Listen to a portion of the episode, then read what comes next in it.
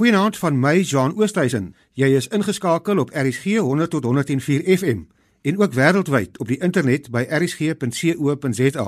Baie welkom by die program uit 'n ander hoek waar ons vanaand vir die laaste keer in die reeks uit 'n ander hoek oor spiritualiteit gesels. My gaste is die bekende hip-hop sanger of kletsrymer Churchill Nudee en die digter Geira Fredericks wat albei hulle spiritualiteit op 'n unieke manier deur middel van hulle poësie of musiek uitleef en beoefen. Albei van hulle kom uit gemeenskappe wat dikwels met die harde kant van die lewe gekonfronteer word.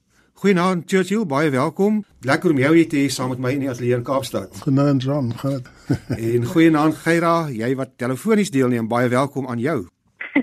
nee, dankie, dankie. Dankie jou. Churchill, jy kom uit 'n gemeenskap waar mense hulle spiritualiteit op baie verskillende maniere uitleef, van tradisionele kerkgangers tot straatspredikante en hiphopsangers. Hoe het jou agtergrond en grootwordjare jou eie spiritualiteit beïnvloed en hoe het dit verander met die loop van tyd soos wat jy ouer geword het? Wel, ek het kerk gegaan omdat ek gestuur was kerk toe basis. En ek dink ek was omtrent 16 jaar oud toe besluit ek uh, dit is vir my nie en dit is die laaste kontak wat ek met die kerk gehad het. So van toe af het jy jou eie spiritualiteit soort van ontdek en jou eie ding gedoen. Dis korrek, ja. Geira, jy is in die moslim tradisie en dit was verlede maand Ramadan en ons kan later bietjie daaroor gesels en die betekenis daarvan vir jou, maar jy leef ook jou spiritualiteit op 'n praktiese vlak uit eerder as op 'n teologies akademiese vlak nie waar nie? Ja, kyk, Islam en die moslim geloof is mos maar 'n praktiese geloof, so daar's baie praktiese dinge wat van dag tot dag, jy weet in die dag in kyk word. Ek ook as 'n skrywer natuurlik aspekte van die geloof in die skryfwerk ook dan weergee. Jojo, was daar enige spesifieke rede waarom jy besluit het jy wil nie meer aan die georganiseerde godsdiens behoort of kerk toe gaan Sondag nie? Was daar iets wat jou oortuig het dat dit nie meer vir jou lekker is nie? Hoekom het jy so besluit? Wel op 16 jaar oud het ek regtig veel geweet hoekom en waarom en wat die redes was nie of of ja ek het nie veel aan gedink nie maar ek het net geweet dat uh, dit is definitief nie vir my nie en dan uh, ek het baie groot probleme daarmee. Gera, hoe sal jy jou spiritualiteit beskryf as jy dit in woorde moet beskryf? As ek in woorde my spiritualiteit moet beskryf, ek sou sê dit is lig. Jojo, baie van jou lirieke het tog vir my 'n spirituele inslag, maar dis alles behalwe gospel. Dis meer 'n aardse spiritualiteit as ek daarna luister wat gaan oor die lewe hier en nou. Ja, want dis wat sin maak vir my. Ja, van die die over the top tipe van 'n gospel van lewe wat ek voel dat jy kan spiritueel wees met in die alledaagse lewe elke dag en die, ek is hier 'n Sondag moet jy nou iets doen om vir iemand dankie te sê nie. Dit is eintlik moet jy dit elke dag doen. Geira stem jy saam dat spiritualiteit eintlik te doen met elke dag se lewe, hoe ons elke dag met mekaar omgaan? Ek sou ook saamstem met Churchill want kyk ons het vyf tye in ons dag daagliks waar die een vroegoggend voor met die voor dag begin wanneer die lig deurkom, dan die midday, dan die mid-afternoon, dan die early evening en later in the evening. So ons hele dag word raad daar rondom geroteer en it is a time where jy weet as soos my ek het 'n vriendin wat ook altyd um, sy staan op om te meditate. Dis 'n tyd wanneer jy met jou God verkeer en ons sala of die gebed is inderdaad 'n conversation met God of met Allah. So ek sou sê die spiritualiteit of to be spiritual is an ongoing permanent proses. Dit is iets wat jy in breaks doen op 'n dag of op 'n tyd of op 'n spesifieke. Dit is 'n continuous proses. Ek wil graag vir albei van julle vra die gemeenskappe waaruit julle kom, leef mense van verskillende gelowe as bure saam. En ek wil graag vir julle vra, hoe belangrik is dit dat mense mekaar se verskillende geloofs-oortuiging respekteer en is dit belangrik dat mens ruimte daarvoor moet maak want almal deel nie dieselfde geloofs-oortuiging nie en dikwels dink mense net hulle manier van glo is reg. Churchill my bure of ewe langs my bly oor kan met my hulle plan nie reg vir my nie want dit dit is vir my belang waar hulle glo nie.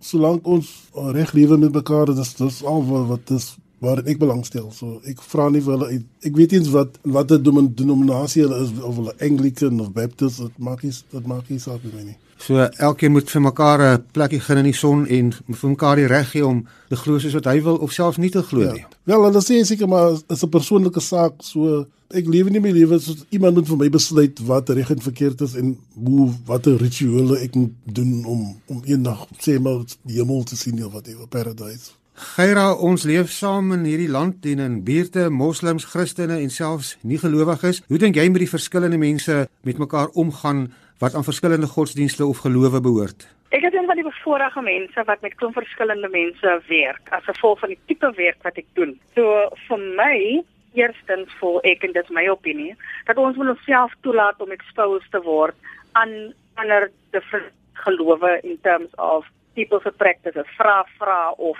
gaan stap in en kyk wat doen die mense in hierdie gebou. Dit is wat ek gedoen het. En ook moet Paul dat my geloof voorsê vir my dat ek nie ander gelowe mag veronag of eertek daarop. Is dit dieselfde mense wat ons elke dag mee omgaan het, weet wat elke gewone um, ding doen, daai mense wat môre ook langs jou kerk gaan sit of langs jou in die moskee gaan sit of langs jou in die sinagoge gaan sit, dat 'n ander vyf na toe gaan. Want al die tyd elke dag hoor mense, is my sienwyse, van mense wat na ander gelowe of na ander kerke of van ander ander geloofsverband na toe gaan, omdat dit vir hulle nog sin maak met die church of besluit het op 16. So hoe is dit moontlik dat ons mense met vooroordeel aankyk as gevolg van hulle beliefs maar dit is dieselfde persoon wat God 'n openbaring kan gee en langs jou die volgende tyd hele congregational prayer langs jou kan sit. So dit is eintlik possible.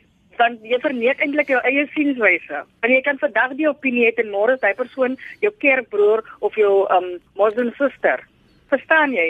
So in my opinie voel ek elke mens in sy geloofsverband is 'n persoon. Punt. Cecil, ek wil graag vir jou vra van jou lirieke straal baie rou emosie uit. Een van jou songs van waarvan ek baie hou is die een uh, Onse Vaders wat jy saam met Rico Latti in die wasgoedlyn sing. Want op 'n manier is dit niks anders as 'n rou gebed nie. Wat het jou inspireer om dit te skryf en wat is die boodskap wat jy daarmee wil oordra? Wat my inspireer het is uh, baie mense weet om waar glo jy? Wat wat is jou ding? Wat is jou en toe ek kan nie altyd uh, seker maar goed in woorde sit nie en ek kan dit meer ek kan meer self uit uitspreek in in musiek of in in lirieke seker maar. So dis wat my inspireer het om dit te om dit te skryf. Wat vir my opvallend is van die naam is Onse Vaders en dit sin speel so half en half op die Onse Vader en dit is 'n gesprek met noem dit dan maar die Vader daarbo maar dit is ook 'n baie duidelike boodskap aan die aardse vaders en hoe hulle leef en met hulle kinders en mense omgaan nie waar nie. De, definitief ja, dis 'n sinspeling op basies op alle vaders soos my vader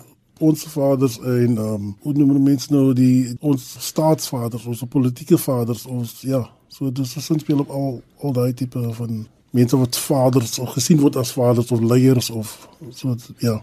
Is dit is dit een van die probleme waarmee ons in baie gemeenskappe sit, gesinne met afwesige vaderfigure? Waar ek vandaan kom definitief of hulle is hulle is daar of maar hulle is nie aan hulle is nie betrokke in hulle kinders se lewens of hulle is net hulle is net daar ja. Ek wil net so ietsie gou byvoeg met wat ek is baie lank alleen ouer. Ek is natuurlik in die muslim faith en is meer customary vir ons seuns of manne om die musiek by te woon. En dit het later moeilik geraak want ek kon nie altyd die seuns vat nie So daar was eintlik in my huise ontbreek van 'n vaderfiguur wat hy deel van die geloofsverband die practice moet voortbring. En en ek bedoel in ander aspekte van die lewe is daar baie keer hierdie gebrek waar die enkel ouer wat die moeder is, nie daai vaderrol kan heeltemal vertolk nie. Dit is tog maar net die waarheid. En anders kan om ook as sou 'n vader sonder 'n moeder kinders moet grootmaak. So ek dink ja, om daai vraag wat jy daag gevra het te antwoord, dit het 'n effek en dit het 'n op op die jong seun. Jessie Lagedi, die skrywer en digter Jolene Phillips het so tyd terug op Facebook geskryf as jy 'n kerk sou stig, sy sou elke Sondag in die kerk gewees het. Wat sou jou boodskap wees as jy 'n dominee was en jy het 'n kerk gehad? Uh um dit seker maar iets wat nooit sal gebeur seker nie. Want ek ek glo dat ek weet dat elkeen van ons weet wat reg en verkeerd is en ek kan nie sien dat uh, daar mense iemand moet wees wat vir jou besluit wat jy in moet glo. Daar's sekere um, leiers wat dan sommer nou besluit o, oh, hulle het 'n hulle het 'n hulle het 'n ding aan hulle het 'n issue met iemand en dan en dan dan sal hulle sommer besluit o, oh, maar ons moet die ou doodmaak. So waar, waar kom dit vandaan? So ek sal self besluit of wat reg en verkeerd is vir my so en en net soos elkeen van ons gebore is met daai instink is is, is is ek sien nie dat die institutionalized dinge werk sal nooit werk vir my nie. So mense is maar as mense wil skape is dan moet hulle maar skape is. Jy sê miskien jou dienste kon gehou het met jou hiphop musiek en die lirieke in jou woorde en dit sou dalk 'n goeie preke gewees het. Dalk beter preke as baie ander preke wat mense soms in die kerk hou. ek stem.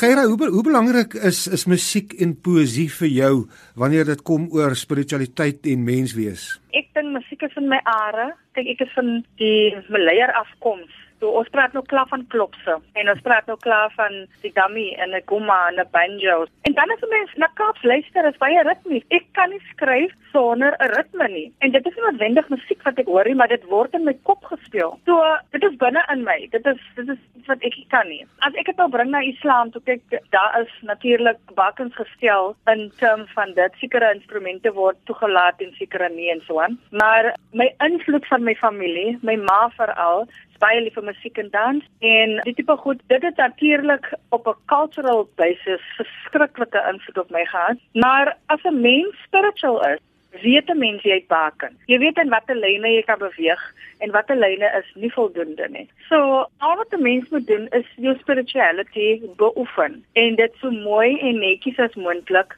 practice en dan is eintlik reg maar in terme van musiek en poësie definitief is dit die twee grootste invloede wat op mekaar speel. Whether ek nou skryf en musiek moet hê of 'n ritme om 'n gevoel te wek en of ek na iets luister omdat die lirieke so treffend is. So baie van Churchill se se o, oh, ek dit is my ek kan net sommer nou hierso sê voor Churchill. Dis my stapliedjies. Hy het vir my se nege tracks aangestuur da, oh, en dis my stapliedjies. Ek is ek ek luister dan na sy en ek stap en as 'n lekker ritme en die boodskappe is sterk en kyk dan voel ek as ek float op die op die op die aarde, nie meer op die grond te sê. So ek dink baie keer is daar daar is uh, religious entities wat probeer skei eer en uh, religion en spirituality, maar tog het die twee baie baie nou 'n verband in mekaar. As mens kyk terug na Koi en na die Boesmans en hoe hulle om die vuur gedans het met ritme en musiek en so aan, is die die, die spirituality altyd aangewakker en gehelp met 'n tipe van 'n ritme. Eers as, as hulle die die die Koran ook uh, recite. Kyk, dit was nou die maand van Koran wat verby was, Ramadan en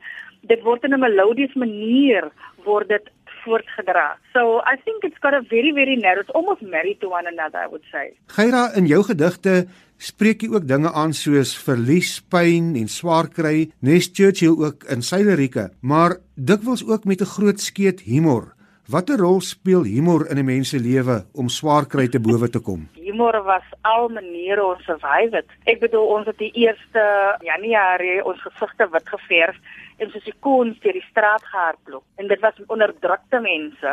So eintlik was hulle nie in happy omstandighede nie, but we've learned to make something good out of something bad and always we drain out die humor, die humoristiese saak. En ek dink dit is 'n survival tool geraak hier in Suid-Afrika en baie van die ek sou sê die Kaapse humoristiese mentality kom uit die situasies wat eintlik nie so funny is nie. Mense kyk na mense stand-up comedians, maak altyd grappies van goed as mense nadink wat sê, "Okay, but that wasn't so, you know," en uh, jy weet jy het so nadink situasie daar. So I, I think that om vir mense iets te sê en die krag daaraan te hê Dit is soms belangrik vir mense om op 'n ligter noot te hulle te sê maar altyd die boodskap deur te bring. Ek dink ook mense onthou baie makliker as 'n mens vir hulle 'n bietjie, jy weet, jy rap dit 'n bietjie op en sit 'n lyntjie dan op. En dan lyk dit dan nog nie so griesaam soos wat dit soms vertoon nie.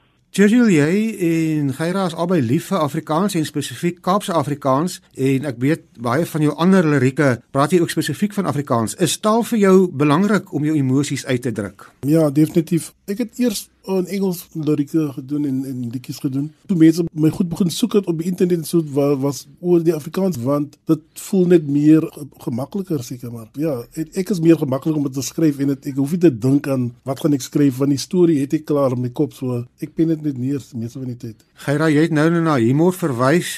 Ons praat nou oor taal. Ek weet jy het 'n gedig onder andere ook geskryf van 'n treinrit en ek dink spesifiek op treine sien 'n mens baie keer van daai daai humor stories en hoe hulle humor humor gebruik om kop bo water te hou as dit ware nie waar nie. Ja, daai gedig het ontstaan as gevolg van my frustrasie in die trein op pad huis toe. Ja, dit dit gaan oor die observasies wat ek maak terwyl ek in die trein is. En dit is humoristies. Daar is baie gedeeltes waar jy snaak so goed sien want kyk, nou begin jy alles op te let. En as jy nou dink aan jy moet nog 21 minute in 'n trein sit op pad huis toe. En die probleem wat jy ondervind, gaan nog saam jou 21 minute uh, verkeer. Then you got to look for for the silver lining. Because that's how you're going to survive. Anders pak jy dalk net uit terwyl dit nog ry. Churchill as jy mens na jou lirieke luister is daar dikwels 'n soort positiwiteit in situasies wat nogal donker is, maar daar's ook soms 'n bietjie nihilisme in hier en daar. Hoe balanseer 'n mens hierdie positiewe kant van die lewe of of ons nou praat met die donker kant?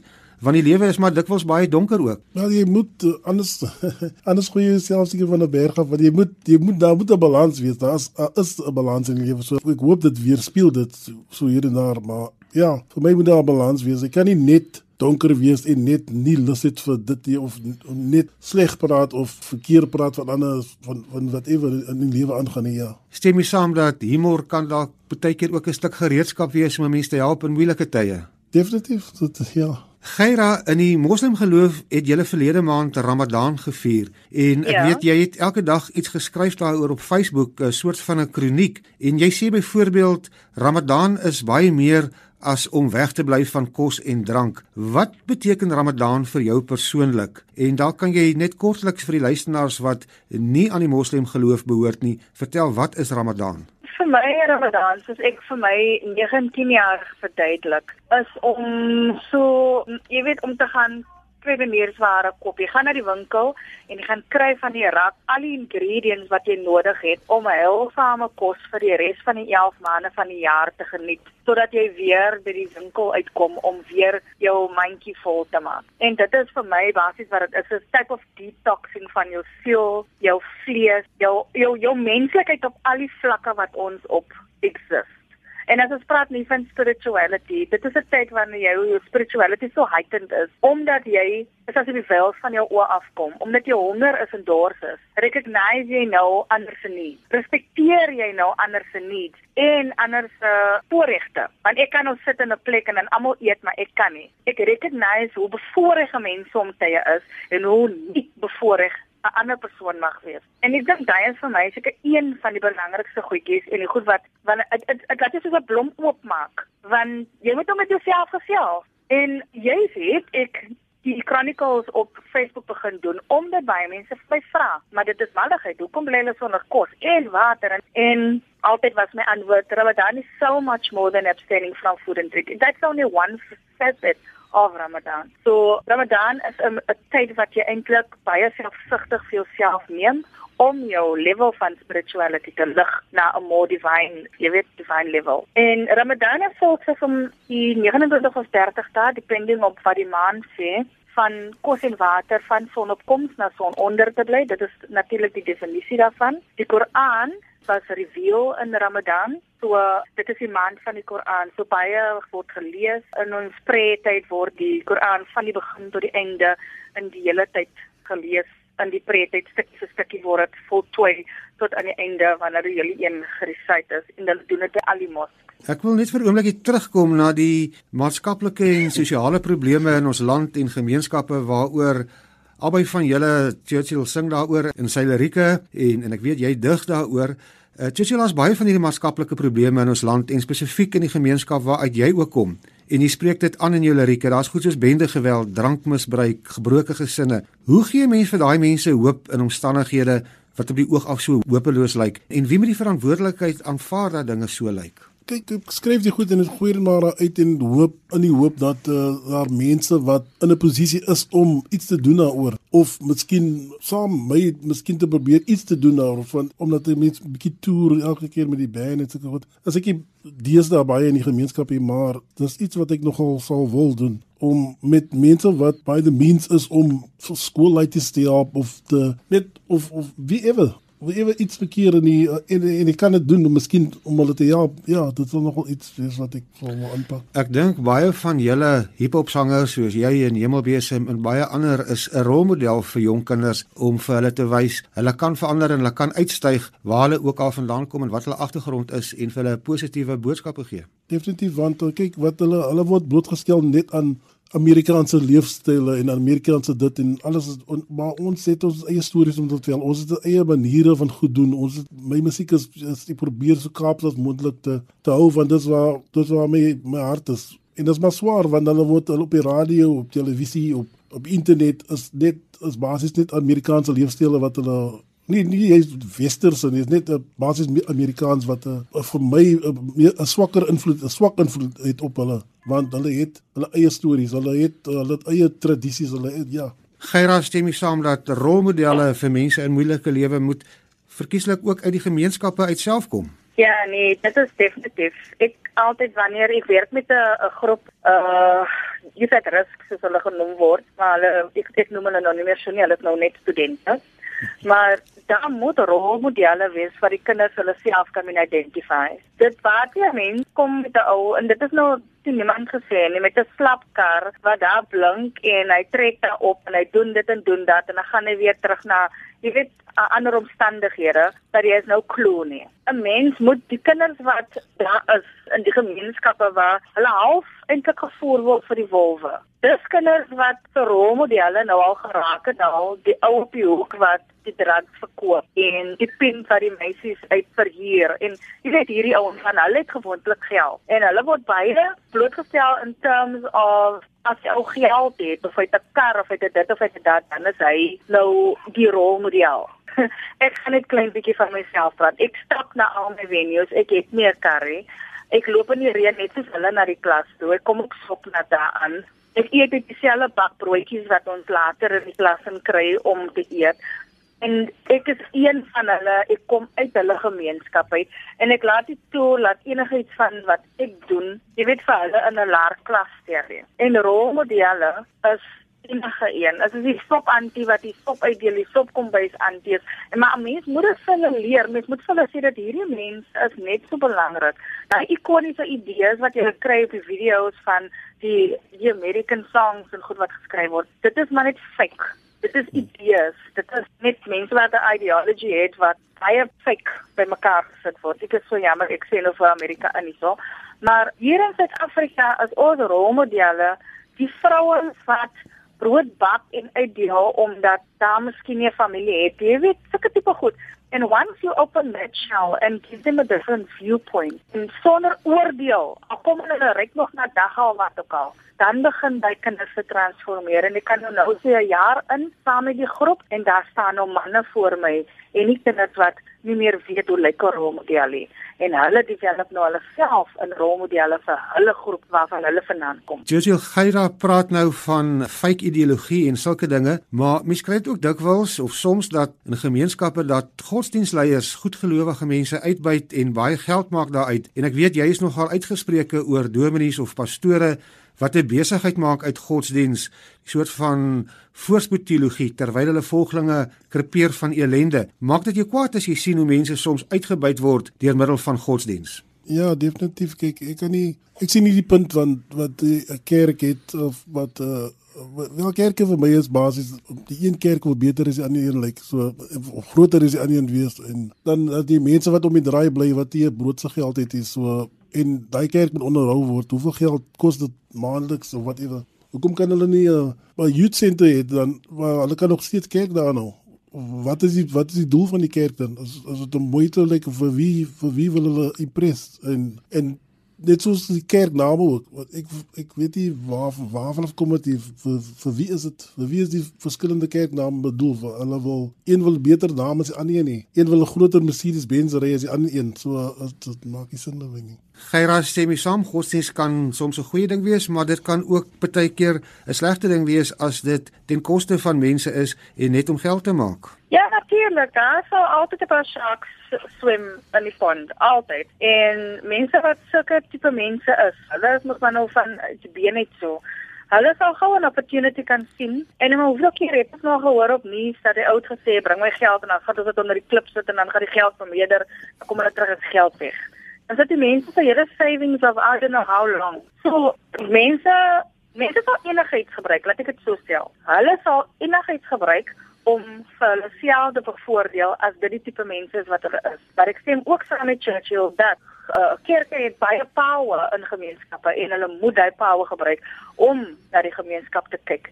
En baie keer kan 'n mens daai platforms gebruik om baie positiewe boodskappe behalwe net die geloofsverband kan 'n mens ander tipe boodskappe ook deurfilter na gemeenskappe. Ons tyd is byna verstreke en om mee af te sluit, wil ek vir elkeen van julle vra, hoe sou julle julle eie spiritualiteit opsom en en wat is julle raad aan mense wat na hierdie program luister maar nie deel is van die bevoordeelde klas nie en wonder hoe gaan hulle die dag van môre oorleef? Churchill ek lewe met my lewe seker man dag tot dag en ek is hier. Dis al wat ek uh, op die oomblik het om te sê oor spiritualiteit van uh, ja, ek is hier en ek lewe my lewe. Dis dis dit. So dit gaan vir jou van oomblik tot oomblik en om die beste te maak van elke oomblik elke dag. Ja, seker. Geira, wat is jou boodskap ten slotte aan ons luisteraars? My ten slotte boodskap is nederigheid. Nederigheid, nederigheid, nederigheid. As 'n mens nederigheid, maak dit saak van watter angle jy kyk en hoe jy enigiets benader. As daar nederigheid is, is daar respek, is daar trust, is daar loyalty en al die ander goed wat aanhoek. Natuurlik is dit 'n rippling effek, but you have to have nederigheid. Dit is jou stam van waar jy moet begin. En dan is al die ander vrae wat jy nou vir die hele tyd gevra het op hierdie program, dan is hulle eintlik maar voorbodig want dan is hulle onnodig. Want as daar nederigheid was, was nie een van daai vrae nodig nie. Baie dankie. Ek dink dis 'n baie positiewe noot om hierdie program mee af te sluit. Ons sluit is verstreke en ons moet groet. Baie dankie aan my twee gaste, die kletsrymer Churchill Nudee van die Wasgoedlyn en die digter Geira Fredericks dat julle vanaand vanuit julle hoek julle gedagtes met ons gedeel het. As jy wil kommentaar lewer op die program, kan jy 'n SMS stuur na 45770 teen R1.50 of besoek ons Facebookblad uit 'n ander hoek. My e-posadres is jean.oosthuizen@gmail.com. Baie dankie aan almal wat die afgelope 13 weke saam met my en my gaste vanuit 'n ander hoek na spiritualiteit gekyk het. Onthou, al die programme in die reeks is ook as potgoeie op RSG se webwerf beskikbaar as jy weer daarna wil luister. Van my, Jean Oosthuizen, totsiens en alles wat mooi is, ongeag vanuit watter hoek jy na spiritualiteit kyk. Goeienaand.